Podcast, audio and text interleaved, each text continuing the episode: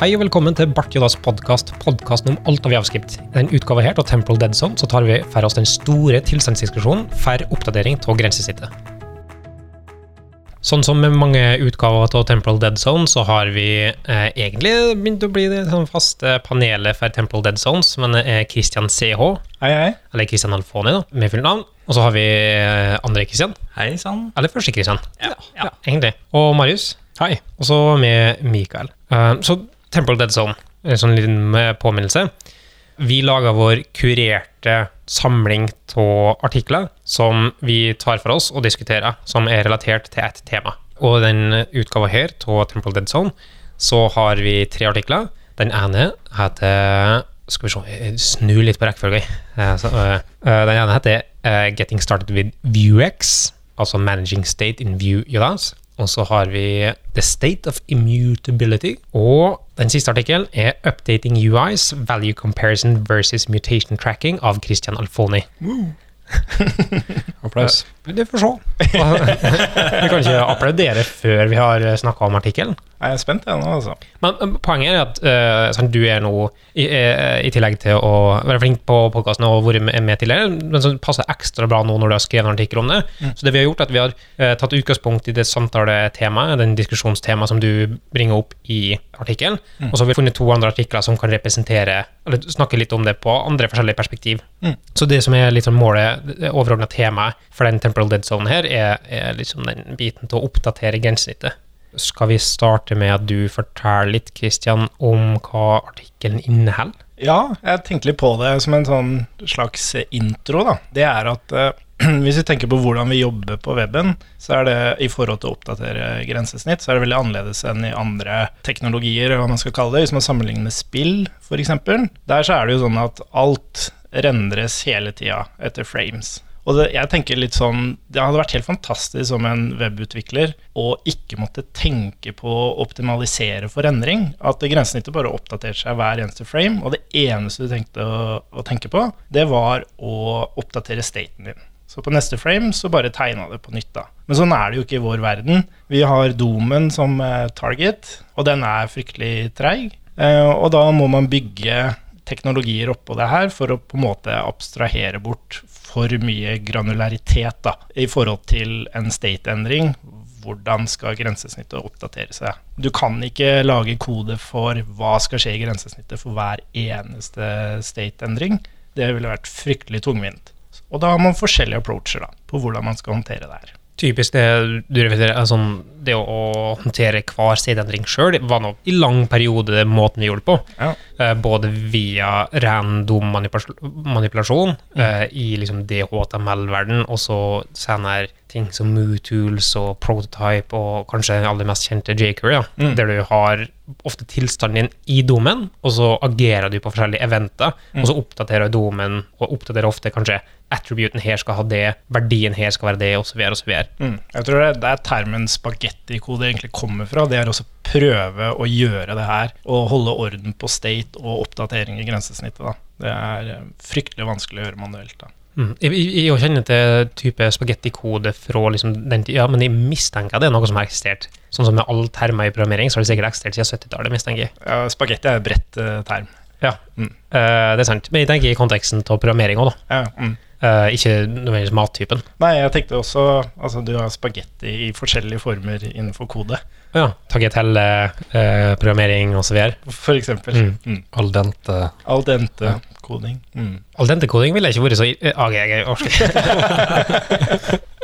Og det du tar for deg her, da, sant? du ø, er spesifikt sammenstille to forskjellige måter å oppdatere tilstanden på. Eller egentlig så er det vel ikke det å, å oppdatere på heller, men å, eh, på outputen. Detektere en endring, egentlig. Vite når er det grensesnittet har behov for å oppdatere seg. Og da kan man se, hvis man tar det litt fra andre sida, hvis man tenker React f.eks. Det React gjør, er jo å abstrahere bort det og um, når du gjør en state-endring, hvordan skal domen oppdatere seg. Men React må fortsatt vite når er det jeg skal sjekke hva i domen som skal oppdatere seg. Uh, og der er det, sånn som i den artikkelen, så tar jeg utgangspunkt i React. Og så er det to forskjellige eh, framgangsmåter på å finne ut når har staten endra seg. Og det ene er det man kaller for value comparison, som er tett knytta opp til immutability. Og så er det noe som heter mutation tracking. Og så finnes det andre måter å gjøre det her på også. Du nevnte én ting, Mikael. Jeg husker ikke hva det heter. Det er litt sånn templat du Jeg vet ikke hvem som bruker det. Um, der du konverterer templat til noen expressions og noen greier. Uh, bit, bit Husker du ikke? HTML litt, liksom? Nei, Eller- nei en approach. Husker du ikke? Altså, du snakker jo om functional lenses, eller snakker vi om Nei. Nei, da kommer vi til kort Kanskje en samtale du har hatt i hodet?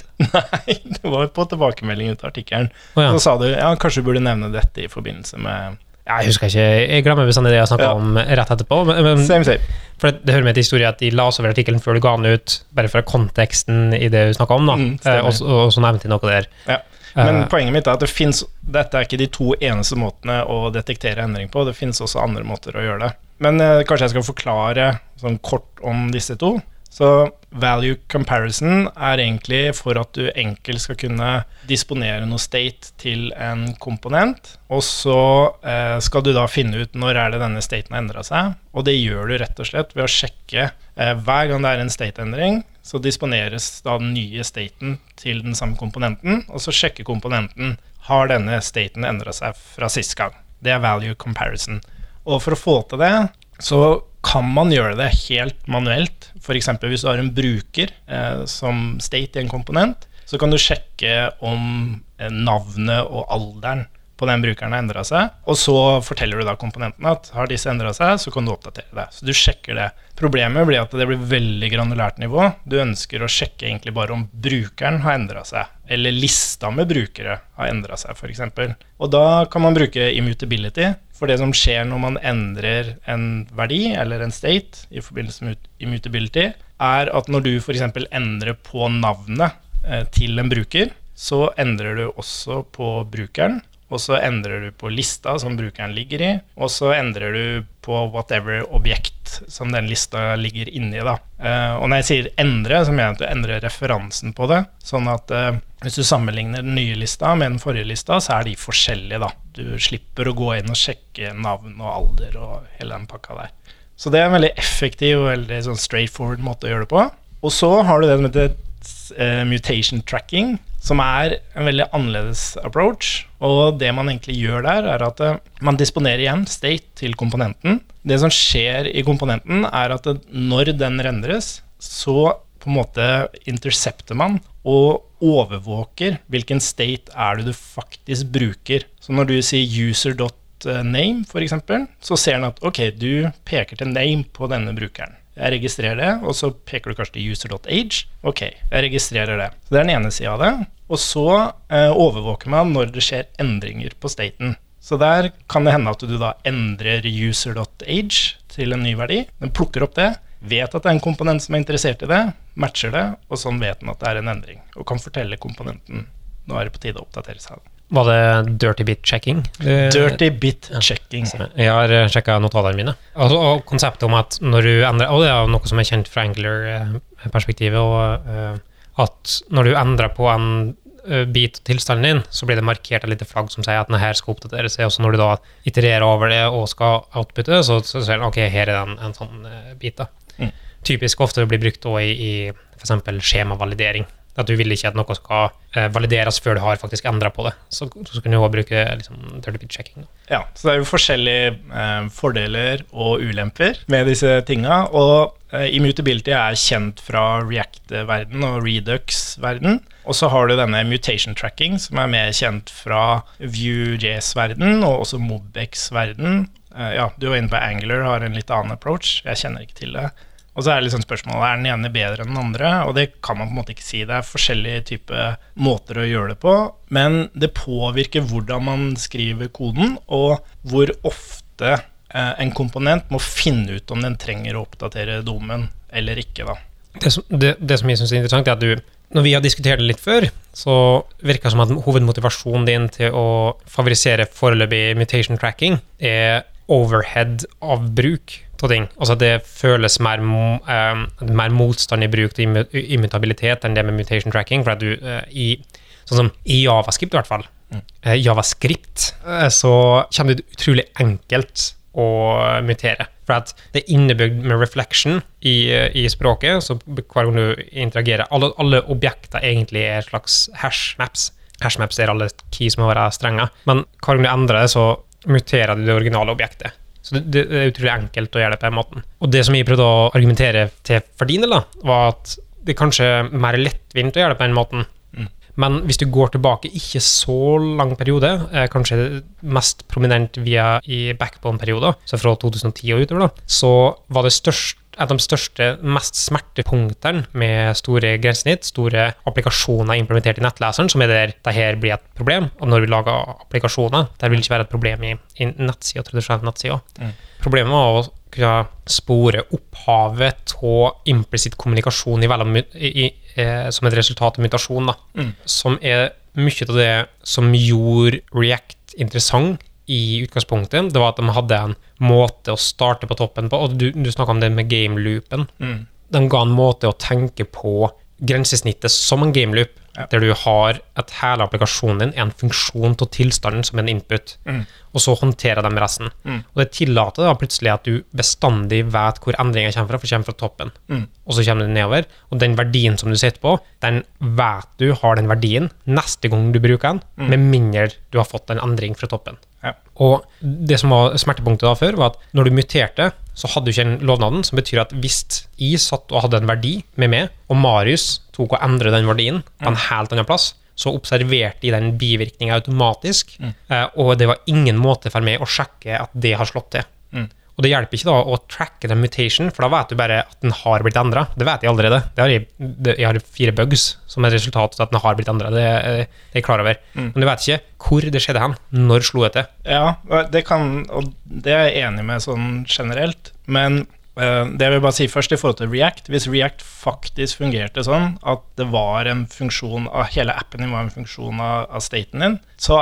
så har på en måte React løst det. Men React fungerer jo ikke sånn. Vi må inn og levere state explicit i forskjellige deler av appen for at den skal være performant nok, da. Jeg tror ikke nødvendigvis det stemmer. Nødvendig, altså, det kommer an på hvordan du tenker på den tilstanden. da. Mm. Og da kommer du litt inn på den måten der du skiller lokal visningstilstand fra applikasjonstilstand. Mm. Applikasjonstilstand, hvis den er en, liksom en, en atom state på toppen, sånn heter, er global eh, whatever store, så trenger du ikke å gjøre eh, alle tastetrykk inn. Trenger ikke å være en del av den biten. For Mm. Da blir kanskje performance issue Mm. eh, for å rerendre hele treet. Men det går an til å splitte opp i forskjellige submoduler. Ikke alt i verden trenger en, en router, og ikke alt i verden trenger å være implementert på den måten. da. Men jeg tenker bare det at du må tenke på det i det hele tatt, det er det jeg syns er dumt, da. Jeg liker den tanken, men jeg vil ikke måtte tenke på hvordan jeg fordeler staten min for at jeg skal kunne ha optimal rendring, eller ikke måtte tenke på rendring, da. For det, det tør jeg påstå at alle som bruker React, og spesielt Redux, de tenker på hvordan de leverer staten sin, bekymrer seg for om det er performant nok, hvis de har en stor nok applikasjon. Og det det er ikke der vi ønsker å være som utviklere, da. Jeg tror at det er egentlig en hovedvirkning, det. At du blir tvungen til å tenke på staten din. For staten din er liksom kjøttet i hele applikasjonen din. Mikael knytter neven sin her nå, bare sånn at det Og, men altså, det at du må tenke på eh, tilstand, altså domenemodellering, og at du må tenke på hvordan du skal strukturere dataen din, det er på en måte kjernen, for at det er så mye positive ting som kommer ut fra en veldom, velmodellert domenemodell. mm. Da kommer det mange ting ut ifra det. Altså, du blir enklere å, å håndtere det, det blir enklere å håndtere endringer, det blir eh, enklere å feilsøke potensielt i det. Mm. Så altså, det at du blir tvungen til å måtte gjøre det, tror jeg er en positiv ting. Ja, men jeg, jeg, jeg er ikke uenig i det. Men det jeg syns er feil, er at det er UI-performance som bringer deg inn til å Men- tenke riktig om det. Jeg, jeg tror det er en ting du sier uten å nødvendigvis ha backing for det. Det er en erfaring, da. Ja, anekdotisk erfaring. Men Poenget med det, det kommer an på hva slags applikasjoner en lager, og, hva, og, og hvordan igjen strukturerer dataen. Så er det at du eh, møter på performance issues, er det en modelleringsfeil, kanskje? Sant? Ja, men igjen, da. Jeg, jeg syns ikke de to tinga har noe med hverandre å gjøre. Du burde kunne strukturere staten din akkurat sånn som du vil, uten at det skal ha noe med UI-performance å gjøre. Det er to helt forskjellige ting. Du skal ikke tenke på UI-performance. Det kan godt hende det påvirker hverandre, men at det at du må revurdere staten din når du får et nytt design fra en av designerne, det er bare helt absurd i min verden. Ja, og jeg prøver å sette meg inn i måten du tenker på i forhold til altså, Problemet jeg har med det, er at det høres ut som du er interessert i å, å frastille seg ansvaret som en har for å kunne tenke gjennom eh, måten du strukturerer dataen på. Da. Altså at, at, det handler mer om at det skal være lettvint, enn at det skal være eh, enkelt for framtida. Altså du har mindre investeringskostnader i begynnelsen, mm. men så må du betale for det i det lange løp. Og det er ikke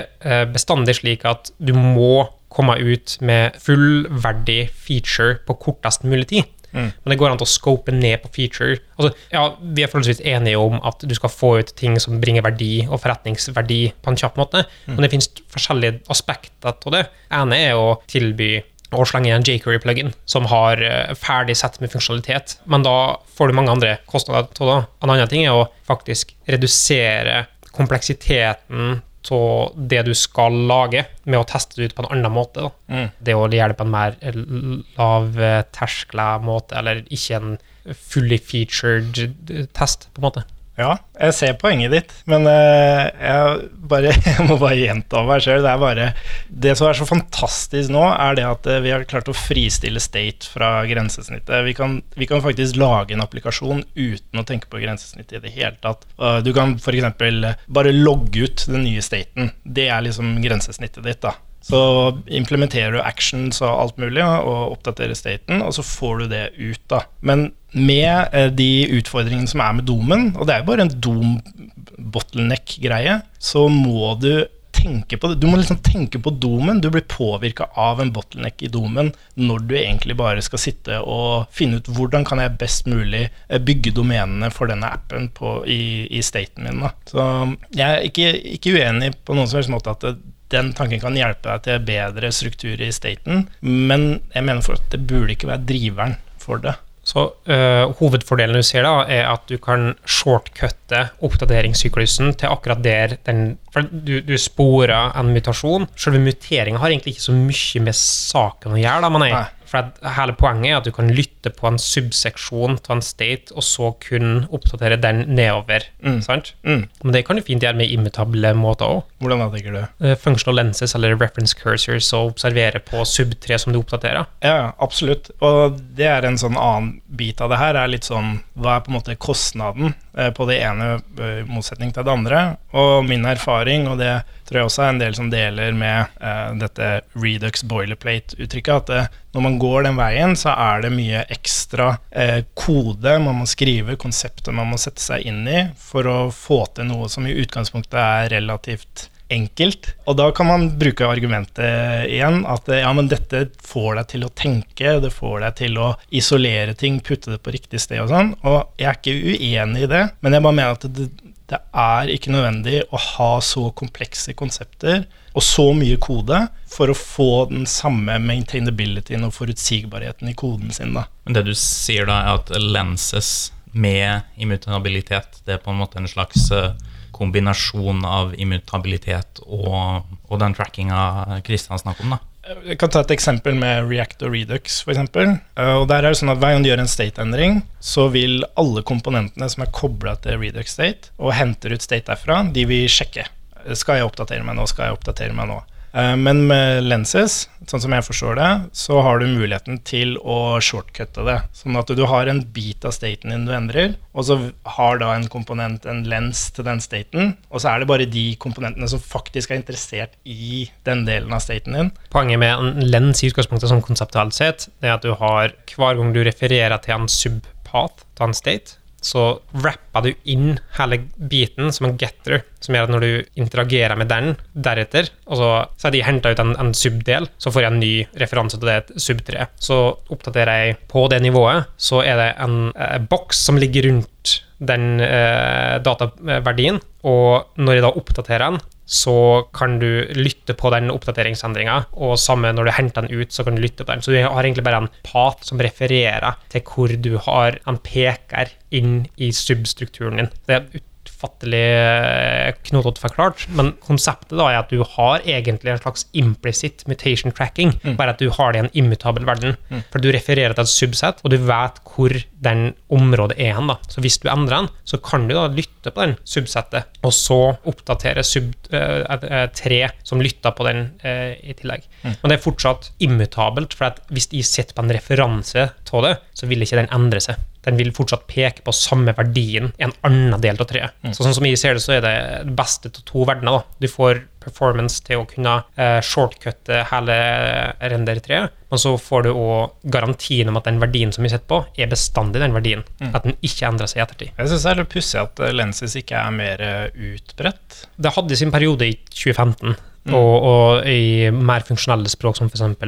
closure script, så er det fortsatt en greie gjennom om og reference cursors. da. Cursors er en annen ord for, for det å referere til så, sånne deler. Mm. En ting jeg bare ville si om mutation tracking, som er veldig viktig, eh, er For du har veldig mange gode poeng, Mikael, i forhold til det der at gjør du en endring, så vet du ikke hvor du kommer fra. sånn. Men en viktig del av det konseptet er at du er nødt til å ha For å ha kontroll på det, så må du legge visse restriksjoner, da. Du ønsker å få de samme verdiene som immutabilitet gir deg, samtidig som du skal få litt mindre konsepter og litt mer kjent javascript for å få til disse tinga.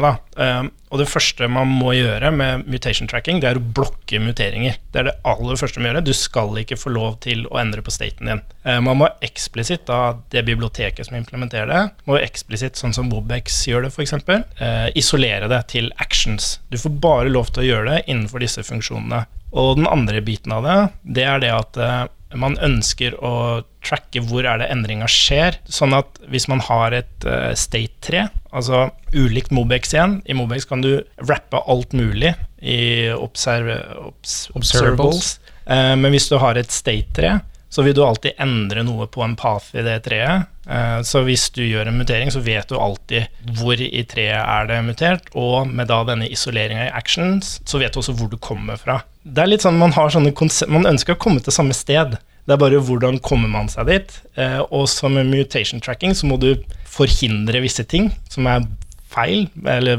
vanskelig å håndtere med mutering, mens på uh, immutabilitetsverden så ønsker du å få til litt enklere konsepter og unngå at man skal skrive en haug med boilerplate og sette seg inn i komplekse uh, konsepter da, for å få det til. Så det, det du sier nå, er at uh, hvis du jobber med mutation tracking, og så skal du endre på en verdi, så må du fremdeles igjennom en action, egentlig, for Ja. å få det til. Så egentlig ideen som var sånn konklusjon til denne artikkelen, er at uh, bygde et bibliotek sammen med en, eh, en fyr jeg kjenner, som heter eh, Proxy State Tree. Og det er egentlig fordi når Flux ble lansert fra Facebook, så var det en del sånn Oi, dette er en god idé, men det var en del motstand. Og ettersom tida gikk, fordi immutability er enkelt å implementere, sånn fra library author-perspektiv, så eh, skjedde masse, masse, masse interasjoner, og til slutt så endte man på en måte opp med Redux i den verden der, i hvert fall. Men mutation tracking er mye vanskeligere å få til som en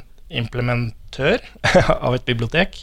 Jeg tror ikke nødvendigvis det Altså, Hvis du ser på immutabilitet som en ordentlig immutabel datastruktur, med persistent data structures og, og structural sharing og, og tries og alt, Da er du i en hav av computer science-algoritme Ja, altså value comparison, da. Ja. Det er enkelt, for du legger det egentlig bare i hendene på den som bruker biblioteket ditt. At de er nødt til å håndtere datastrukturen din sånn at den er immutabel. Immutable. immutable. Uendelig. Uen, uendrbar. Mens i mutation tracking-verden så må du som biblioteket skaper, du må implementere logikk for å tracke mutations og tracke eh, tilgang på state. Da. Så det det biblioteket gjør, er egentlig å løse det for deg. Sånn at du får den funksjonaliteten gratis, og så kan du heller da konsentrere deg om hvor er det state skal defineres, hvor er det state skal endres, og sånne type ting. Før vi hopper videre, eh, så har jeg et par spørsmål direkte til artikkelen, selv om artikkelen egentlig skal ligge i bakgrunnen som eh, et teppe for gode diskusjoner, og her har det jo vært veldig gode diskusjoner. I artikkelen din så refererer du til Du, du rapper eh, komponenten din i, med track state access og track mutations. Mm. Er det funksjoner som er implementert av biblioteket? Altså det Re React har det. Uh, ja, så det som er eksemplene der, de to eksemplene, det er litt sånn sudokode for å vise at det, ok, for å Du må tracke to forskjellige ting. Du må tracke mutasjoner, og du må tracke hvor er det du prøver å få tilgang til state. Altså hvor Mm. er det ting skal oppdatere seg. Um, så det man ville brukt dette biblioteket til med React, det er også å lage en sånn higher order component som har ansvaret for da å tracke staten eh, som brukes i komponenten. Og så er det det andre eksempelet. Da wrapper du staten din med den track mutations. Mm. Eh, og den har på en måte ansvaret for å eh, tracke muteringene. Men det er bare et eksempel sånn overordna. Og så er det biblioteket en sånn low level-greie som du kan gjøre masse masse forskjellige ting med. da. Mm. Og typisk eh, så vil det da bruke, som du sier, proxy til å gjøre det. Og det, grunnen til at du får til det her på en sånn type implementasjon nå, er fordi at proxy har blitt i, i nettlesere. Mm. Uh, det går ikke an å polyfylle, så det her er kun for moderne nettlesere. Tidligere så måtte du da ha rappa det her inn i funksjoner, typisk. Så du måtte ha brukt en, en funksjon for getters og en funksjon for eh, setters. Mm. Eh, eller spesifikt lage getters og setters per sånne eh, properties som du skal aksessere. Stemmer. Du kan ikke ha noen dynamiske objekter, f.eks. Alt må være predefinert. Og hvis man kjenner til Mobex, så er det noe som heter spesifikt observable map. Og man kan se, hvis man logger ut et array fra Mobex, f.eks., så er det Du ser det tampered med, da. Men med proxyer så forsvinner det helt, da. Det er ganske kul teknologi. Den uh, diskusjonen for sjøl, det ligger lenke i shownotes uh, til ressurser for å lære mer om proxyer. Jeg tror vi må gå over, for vi har to andre artikler som vi skal snakke litt om. Men begge to de er, er i konteksten da, og vi har vært innom mye av de forskjellige konsepter som, som går gjennom her. da. Blant annet det med eh, actions og getters og setters og, osv. Eh, da refererer jeg til den eh, artikkelen som heter 'Getting started with Vuex'. Jeg vet ikke hvordan det uttales. Det er sikkert et ordspill, sånn som med alt med Vue.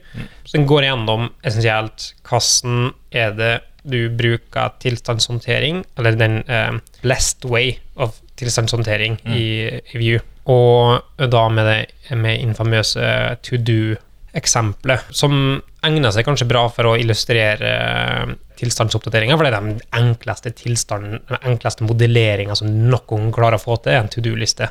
Eh, og her så ser det ganske greit ut. Du har på en måte tilstander, og så muterer du det, og så oppdateres det. Mm. på en måte. Og da er vi inne på det som, som uh, muteringer som du har. Og de bruker sånn mutation tracking. De bruker ikke noe nå via uh, proxy, men så vidt jeg har skjønt, så skal de endre til å bruke proxy i framtida Mm. eh, på mutation tracking. Mm. Så da får du det på en mer dynamisk oppslagsmåte Mm. à la det du har implementert, Christian. Mm. For det jeg synes var litt fascinerende med For det er jo tydelig at det er inspirert av Flux, eh, den implementasjonen. Og det jeg syns er litt sånn interessant der, etter å ha jobba med mutation tracking selv, er eh, hvorfor man bringer inn eh, For de har et par konsepter der, som er commit og dispatch. Um, så bare for å måte forklare det, så er det sånn at når du trykker på en knapp, så kan du dispatche eh, en action. Altså du kaller på en funksjon som heter dispatch, og så er det en action. Eh, og inni den action så kan du da committe en mutation. Og så har du da en funksjon som gjør faktisk muteringa. Og så har du en getter for å faktisk hente ut state igjen. Så du har både dette dispatch, commit og getter-konseptet, eh, som jeg syns er eh, rart. Jeg, jeg forstår ikke hvorfor man har det. Sånn som i mitt hode så tenker jeg at ok, du har en knapp, du kaller på action. Eh, altså du kaller på en action-funksjon, og så inni den action-funksjonen så endrer du på staten din. Og så er du ferdig. Jeg vet ikke om du har en kommentar på det, men jeg, jeg forstår det som at de gjør det med at de kan tracke det. Det er for å intercepte når er det du faktisk dispatcher, når er det du faktisk prøver å gjøre en mutering. Sannsynligvis. Men også øh, tenker jeg jo at det kan for så vidt Altså, det føles mega boilerplate ut. Mm. Og liksom sånn seremonielt, at du må gå gjennom fire forskjellige hinderløp for å komme til skli òg. Mm. Jeg har vært på Leos lekeland.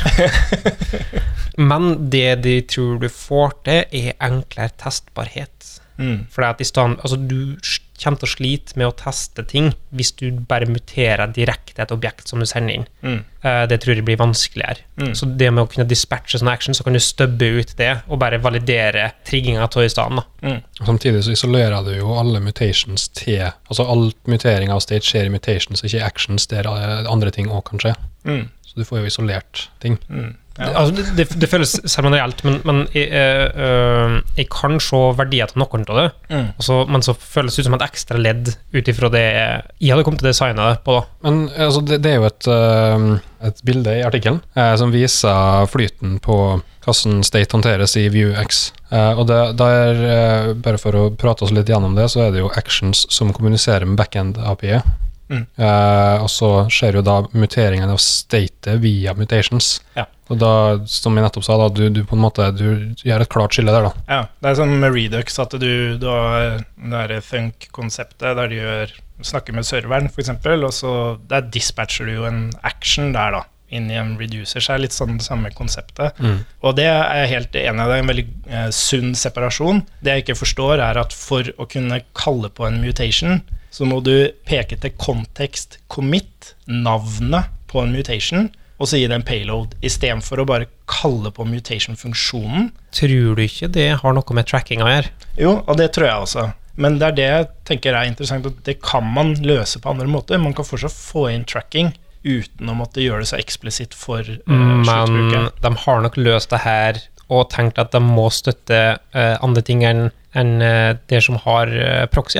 Ja. Så jeg mistenker at når de nå kommer til å endre over til å skrive til proxy, Mm. som jeg vet ikke om for så vidt om jeg ville Det gir- det gir en dårlig munnfølelse for min del å kun støtte nettlesere som har proxy Mm. implementert nå. Altså ikke polyfillbare ting. For det setter en sånn forventning, i hvert fall som et rammeverk på det her. da. Ok, det kan være progressivt for så vidt å, å drive ting framover, men ofte så ender det opp med situasjoner der du Det er mange som ikke har nødvendigvis moderne utstyr og moderne altså, du, du kan fremmedgjøre og, eh, alienate en del uh, brukergrupper da, Absolutt. med å, å, å ha såpass harde limiter på rammeverk. Mm. Men poenget er at når de kommer til å bruke proxy nå, så blir nok det her forenkla. Mm. For jeg tror du må avhengig av en sånn type streng For å få til kombinasjonen av tracking og dynamisk innhold, så må du bruke strenger for å operere på via funksjonskall. Mm. For det er noe egentlig i praksis det samme du gjør med proxy. Mm. Det er at du refererer til en property key på et objekt, og så er det en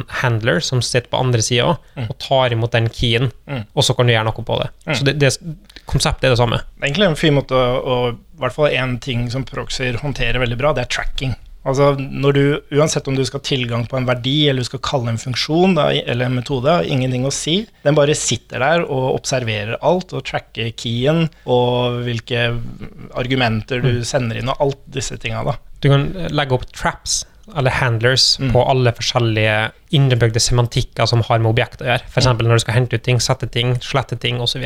Mm. og da, det mest klassiske eksempelet er kanskje aspect-oriented programming, eller dekorering av objekter, der du hver gang du skal interagere med en key, hente ut en key, så logger du hva slags key det er.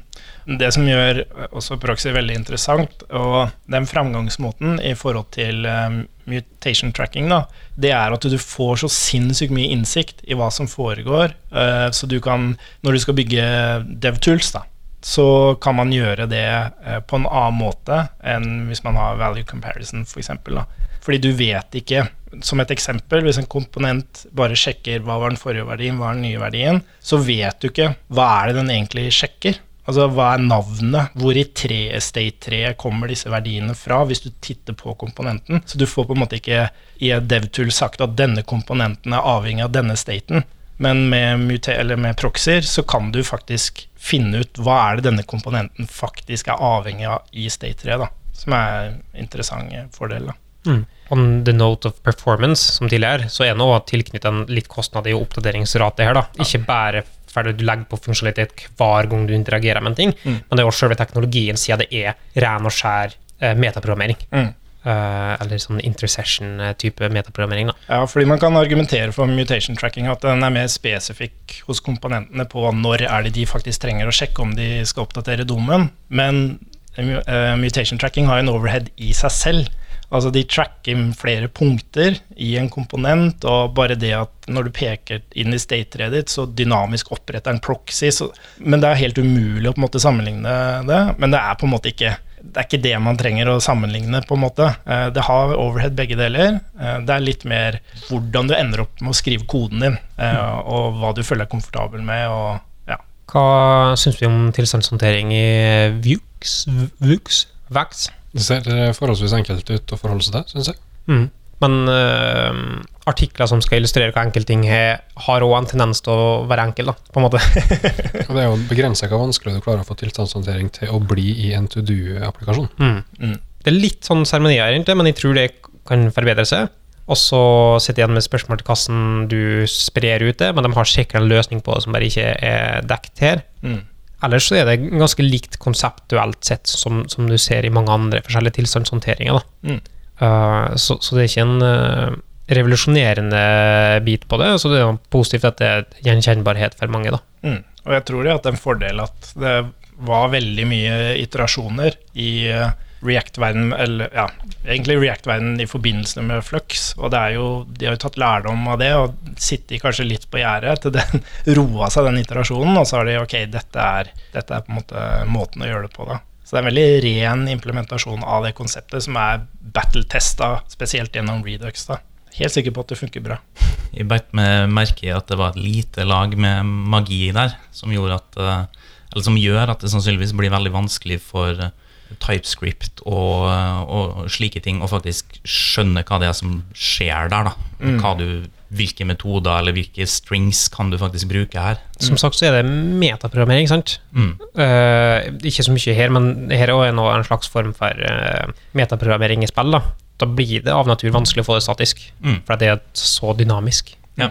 Uh, og jeg vet ikke om du har testa noe med via din mutation tracking-implementasjon og statisk uh, analyse. Det som er fint der, da, er at sånn som det biblioteket, i hvert fall Proxy State Tree, det eneste du gjør der, er at du, eh, du har et objekt som representerer staten din. Så når du typer den staten, så er det alt. Så det er jo alt det som kommer oppå der som eh, utvikler av et bibliotek, eh, som påvirker det i mye større grad, da, om du får til den typinga. Eh, Men for selve staten så er det bare Du legger en type på det objektet som er staten din, og så that's it. Og, og typing av proxyer. Du trenger ikke, for det, proxy er bare en implementasjonsdetalj. Sånn at når du bruker Ja. det, så bruker du det jo som vanlig. Gitt at du bestandig returnerer samme type som du gjorde fra før, så men du kan teknisk sett endre det. Du kan returnere hva som helst av en getter, på en måte. Ja, sånn, ja. ja. Mm. Men det vel ikke problematisk i det tilfellet dette, for du har bestandig bare dekorert og ikke endra på outputen. Og det er litt sånn med javascript, da, er at eh, selv om du har typa staten din, så kan du jo gjøre hva du vil. Du kan jo endre på hva som er inni der. Eh, Så det er jo bare Du ønsker at når du refererer til staten din, så vil du vite hva er det jeg egentlig har tenkt skal være her, og det får man da 100% ut av det. Selv om man får returnert en proxy, så oppfører det seg akkurat som et vanlig objekt og et vanlig array, så man vil ikke på en måte bli tatt på senga av noe der, da. Vi har snakka en del om immutability, og så har vi siste artikkelen, som er The State of Immutability. Marius har vært tidvis oppgitt over at det var litt dårlig engelsk, men jeg, eh, jeg, jeg tenker at artikkelen godt kunne ha vært eh, gjennomlest et par ganger før den ble publisert, men, Men- eh, det betyr ikke allikevel at innholdet er dårlig. eh, så la meg spørre på en annen måte, da. Fikk du noe ut av den? Veldig fine tegninger. Nei, Ja. jeg, jeg, ja, jeg fikk noe ut av den. Kan du oppsummere hva det går ut på? Artikkelen i seg sjøl prøver jo etter beste evne å forklare hvorfor eh, man burde gå for immutabilitet, og konkluderer vel egentlig veldig sterkt med at, eh, at du må endre måten du tenker på. Velg immutabilitet, eh, og så får du mindre buggy program.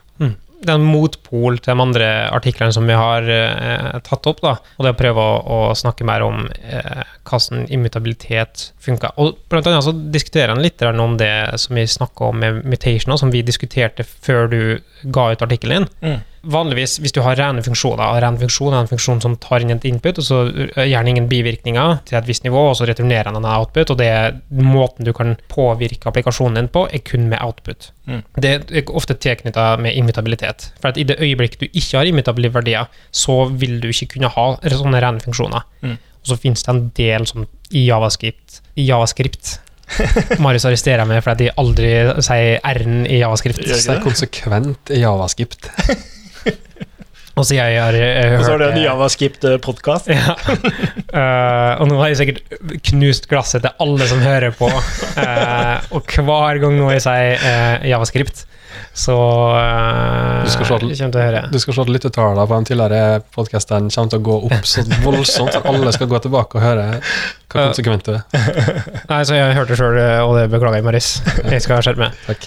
Men uh, det finnes måter å mutere på og, gjøre ting urent i utgangspunktet, da. Men se bort ifra altså, I 99% tilfeller, 95% tilfeller så klarer du å få det pure, eller rent. Men med mutasjon så har du en sånn usynlig tråd mellom alle funksjoner som er en annen måte å kommunisere på, som ikke går via input og ikke går via output. Så du kan påvirke systemet på en usynlig måte som ikke er sporbar. Til tross for at du kaller det mutation tracking, så er det ikke sporbart hvor du endrer det hen. Mm. Og det er det som er på en måte den største, største I hvert fall som ligger langt inni ryggmargen min av irritasjon på store applikasjoner. Mm. Det at du kommer inn en plass, og så Ok, hvor skjedde den endringa hen? Og så er det en eller annen plass som av en eller annen praktisk årsak, for å få ut en eller annen feature, har gjort og mutert et eller annet objekt som kommer til å ligge igjen der, og så sier vi nei, den her kommer vi til å fjerne på et eller annet tidspunkt for at vi skal gjøre det her på en skikkelig måte på et senere tidspunkt. kommer aldri til å skje. Mm. Og da er det slow-boiling frog og broken window og alle andre parabler som finnes i verden. Ikke sant? Og det er det som er greia med immutability, er at vi har jo snakka nå om value comparison, som er noe du kan gjøre når du bruker immutability. Men det er ikke det immutability er for, altså for å oppdatere UI. Eh, Det er bare en konsekvens av å bruke immutability. Og etter Michael sin review av den artikkelen jeg skrev, for den het opprinnelig immutability versus mutation tracking, eh, så endra jeg det til value comparison, for det er det det egentlig er. Eh, Fordi du får andre fordeler av immutability Jeg bare sier immutability. Eh, også som det at eh, du er 100% sikker på at en del av appen din kan ikke endre på tilstanden i en annen del av appen din. Og det var det jeg var inne på i stad med det med mutation tracking. At det, hvis det skal fungere, så må man Det er en av de tinga man hiver seg etter. Man prøver å få til. Da. Det, men det, har, det ligger ikke like naturlig i mutation tracking, så du har visse begrensninger på hvordan du kan få til det. Eh, F.eks. at ok, du kan ha et state-tre eh, som du kan begrense muteringene i. Fordi du har wrappa det med proxys, f.eks. Men det er jo ikke eh, sånn at da du har på en måte sikra all annen form for mutering i, i appen din. Og det er jo noe av utfordringa med Javascript, at det er jo ikke immutable by default. Mm. Det er et dynamisk språk, sant? Mm.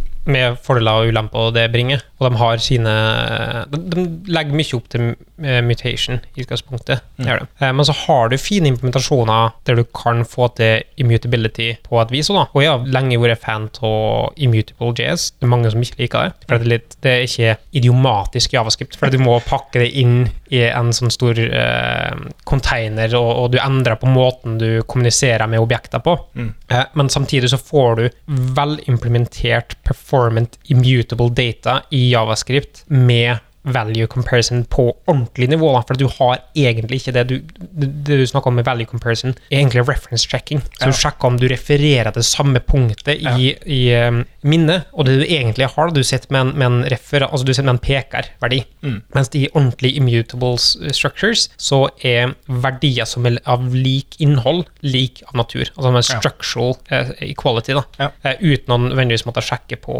For at de, de bruker det samme området i minnet. Mm. Og det får du til f.eks. med immutable JS. Og det får du ikke til på samme måte med, med seamless immutable, som er en annen implementasjon, og en immer tror jeg heller ikke du får det til. Nei, nei, nei. For du, det er bare rekursive object freeze, som er en ny uh, objekt-API som essensielt bare går gjennom hele objektet ditt rekurskift, Mm. og deaktiverer setters. Mm.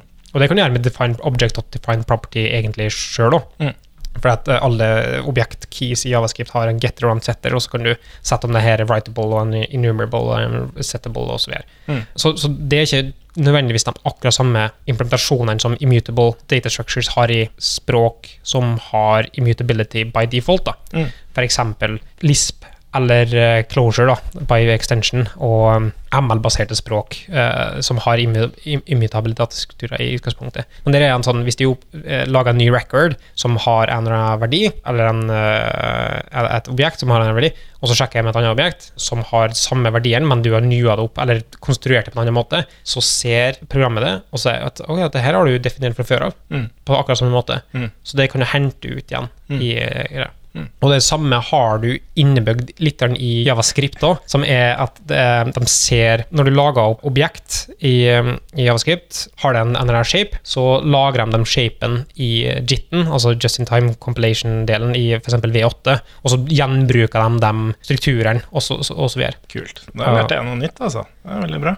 Det er første gang jeg har lært noe som helst av deg, Mikael. Eh, Ja, det var kjempebra forklart. da. Men så er det eh, for eksempel lurt da, hvis du har lyst til å ha performant javascript, er å bestandig ha samme shapen på forskjellige objekter, og minimere mengden du endrer på shapen Mm. på ting. Så får du da gjenbrukt det mye inni i gitten. Men jeg har eh, et spørsmål. For det første syns jeg Immutable JS er et veldig sånn godt eksempel som bare går litt i essensen av hvorfor det er en terskel å gå over til immutability. For hvis du tar for deg en user, da, eh, og så skal du endre på navnet? Vanligvis så sier du da user.name er lik. Veldig straightforward. Ikke noe sånn mental overhead. Du bare gjør det som du mener skal gjøres. Eh, Men hvis du skal inn i en ordentlig immutable verden i Javascript, så Stykk gjerne ut og talefeil. Sorry, eh, det er ikke talefeil. Nei, vi trenger ikke snakke om det. Men uansett så må du f.eks. bruke immutable JS, og da må du opprette brukeren med, altså, i en wrapper, og så må du bruke et annet API for å endre på den. Og verdien, Du får masse verdi ut av det, men det er en terskel for å bruke det. Eh, og det er tyngre å tenke, og du må forstå mer av det. da. Så jeg tror det er litt den der kampen. da. Eh, ligger så enkelt, og så kan du måte skalere det her helt opp på app-nivå. ikke sant? Jeg tenker at immutable data med immutable JS er som et banklån, mens mutation er som et forbrukslån. Det er kanskje enklere å få i begynnelsen et forbrukslån, men du må betale mye høyere rente etter hvert. Ja, Mens med banklånet så er det vanskeligere å få i begynnelsen, men så betaler jeg seg i lange løp. Men jeg ville spørre Jeg, jeg, vil ikke, jeg skal la deg skinne litt på den. Takk. Men um, hva tenker du om at du bruker strenger i Mutable JS til å peke? Det er en naturlig konsekvens av javascript, javascript og hvordan javascript funker. Mm. Eh, For at alle keys i objekter i javascript er automatisk strenga. Mm. Så det er bare sånn javascript funker. Ja, ja. Men i forhold til at du ønsker å få verdi ut av det, det er jo enormt stor eh, potensiell feilkilde. Men poenget med det er sånn som Immutable JS, de tillater faktisk eh, å ikke bruke strenger. Du kan bruke objekter som nøkler. De er faktisk hashmaps som, du, som du implementerer, som ligger til grunn. Så du kan bruke f.eks. en funksjon som oppslag på en key. Okay. Men når du skal interagere med, med ting, så bruker du det som i funksjonskall. Mm. Eh, men i javascript i utgangspunktet så er det bestandig via strenger. Så eksempel hvis de skriver object av null og setter det til en verdi, så er det strengen null, Mm. ikke tallet null. Mm. Mens i hashmaps, typisk, tradisjonelt, og i maps i, i javascript, som Nå devolver hele ordet for meg totalt. I JS um, så kan du ha maps og sets i nyere API, i ES 2015. Mm. Og der kan du ha uh, andre verdier som keys, og derfor definerer du det som liste av lister, Mm. og ikke faktisk objekter, når du konstruerer opp en ny map. Det er for at du skal kunne referere til det med, med faktisk objekter som, som keys. da. Mm. Men så paths i Mutable JS må ikke være strenge. Ja, sånn. Mm. Det som er kanskje største smerteterskelen med Immutable JS, er at du ikke har en garanti til at den verdien som den peker på, er en immutable structure. Du må rappe immutable structures, eller uh, ikke immutable, rappe native JS-objekter inn i en sånn immutabel struktur, så går den traverserer nedover og lager om hele det til tries og massiv mengde computer science som er over hodet mitt. Mm. Men du kan òg sette ok, på den keyen her, så vil jeg at det skal peke mot det objektet her, Mm. som ikke er et immutable objekt. Så hvis du muterer det som er referert inni der, Mm. så er det en potensiell footgun. Mm. Det er trade-offs mellom performance-muligheter og, og det å sikre seg, da. Men tror du det finnes en verden der man får alle fordeler av konseptet immutability i javascript? Det var proposals av Sebastian Mark Båge av mm. Facebook eh, og Lee Byron, som lager Immutable JS, på immutable data structures i, eh, innebygd i eh, JS. Mm. Eh, det var tatt ut etter hvert, for det har en for stor semantisk endring i måten språket funker på. Men det finnes andre språk som du kan kompilere ned til det, som har eh, innebygd f.eks. immutability av natur. da. Ja. Eksempel closure, eh, closure script, som vi har snakka om i, i podkasten tidligere. Og Elm, vel det? Elm har det, uh, Reason ML har det, Mm. eh, og så videre. Så det finnes andre alternativer òg, som, er, eh, som kanskje passer bedre i det verden. Da. Mm. Ja, for det merker jeg veldig Jeg jobber jo med Redux også, og jobber på prosjekter der man manuelt skaper nye referanser da, for å få til denne value comparison. Og det er ganske risky At man, og så plutselig kan man glemme det, og så plutselig så er det en komponent som ikke oppdaterer seg fordi du glemte å spreade et objekt, eller whatever, da. Så det er, det er litt sånn ja, risky business, uh, mutability og, og javascript. Du kunne potensielt ha eh, rappa en, et objekt i en proxy og tatt dirty bit checking eller mutation tracking på det for å gi det build time warnings Mm. for om du har mutasjon i tillegg, da. Det er interessant. Hva må man bruke proxyer for å få bedre immutability? Vi er Mm, mistenker at det er det Immer gjør. Ja, Ikke sikker. Nei, jeg er ikke sikker selv. Uh, jeg, jeg tenker vi har diskutert mer enn nok om tilstandshåndtering i den konteksten som vi har. Det er mye som går rundt det òg, men bare Merka du hvordan vi forente disse to approachene på slutten? Hvor elegant det ble? At de kan du bli venner? det ødelegger litt rann, på en måte den elegansen når du bemerker det sjøl, da. Gjorde det. Ja, Det er litt som å bemerke en Segway. Ja. Den forsvinner. Det er mye mer å snakke om tilstandshåndtering, eh, bivirkninger, eh, altså eh, applikasjonslogikk tilknytta state, hvordan du eh, modellerer staten din. Det, det er et hav av samtaletema her. De tre artiklene her liksom kan være med å, å sette konteksten i rundt hvert fall de to approachene som vi har diskutert nå. da. Skal ikke se bort ifra at vi må ta en episode på State eh, på et senere tidspunkt, eh, eller andre aspekt ved State. Absolutt ikke. Eh, Er det én ting de fleste applikasjoner har, så er det tilstand. Så det er ikke noe vi kommer unna med i det, eh, Jeg vet ikke om det var et ordspill, det var sånn ordspillslatter. Nei, det bare du virka så forventningsfullt å få Nei, nei, nei, nei. Ikke, det bare slik det ser ut. Nei, ok. Så er det noen som har noen kommentarer på tampen før vi avslutter? Jeg vil egentlig bare si at det, det som er på en måte viktig å få med seg i forhold til proxy og immutability, er at det er på en måte verktøy som kan hjelpe det å finne ut når UI skal oppdatere seg. Så det er ikke noe sånn man uh, kjemper imot immutability eller kjemper imot proxyer og sånn. Det er mer det hvordan kan vi best mulig oppdatere grensesnittene våre. Mm. Og med de ordene så sier vi takk for i dag. Og hvis noen har lyst til å fortsette samtalen med det Christian med CH, Christian Alfoni, hvor kan de kontakte? Jeg kan kontakte meg på Twitter, eh, Christian Alfoni, ett ord. Og så på Slack, Bart JD Slacken, Som har URL-en. slack.bartjds.io. Kristian, Ja. har du et uh, Twitter-handle? Jeg har en Twitter-handle, og jeg har en uh, Slack-handle. Ja. Det står helt stille. At Larifax. At Larifax. Og Marius, hvis han har noen spørsmål til det, eller om produksjonen til Bartjodas, eller lyst på tips om hvordan du kan produsere podkaster, hvor kan han ta kontakt med det? Vi finner du òg på Twitter og på Bartiadas-slacken under eh, @krakels. Og hvis det er noen spørsmål til meg, så kan du ta kontakt via at Mikael Brevik, eller også på Bartjodas sin Twitter-konto, som er på at underscore Bartjodas. Jeg vil minne på at alle de artiklene som vi har snakka om nå, og et par andre ressurser, ligger på shownotes, som er på bartjodas.io. Der er alle episodene, og det er til og med lenker til Slack. Og det er et par andre artikler og bloggposter som ligger der i tillegg, som går an til å sjekke ut. Takk for at du hørte på. Så høres vi i neste episode.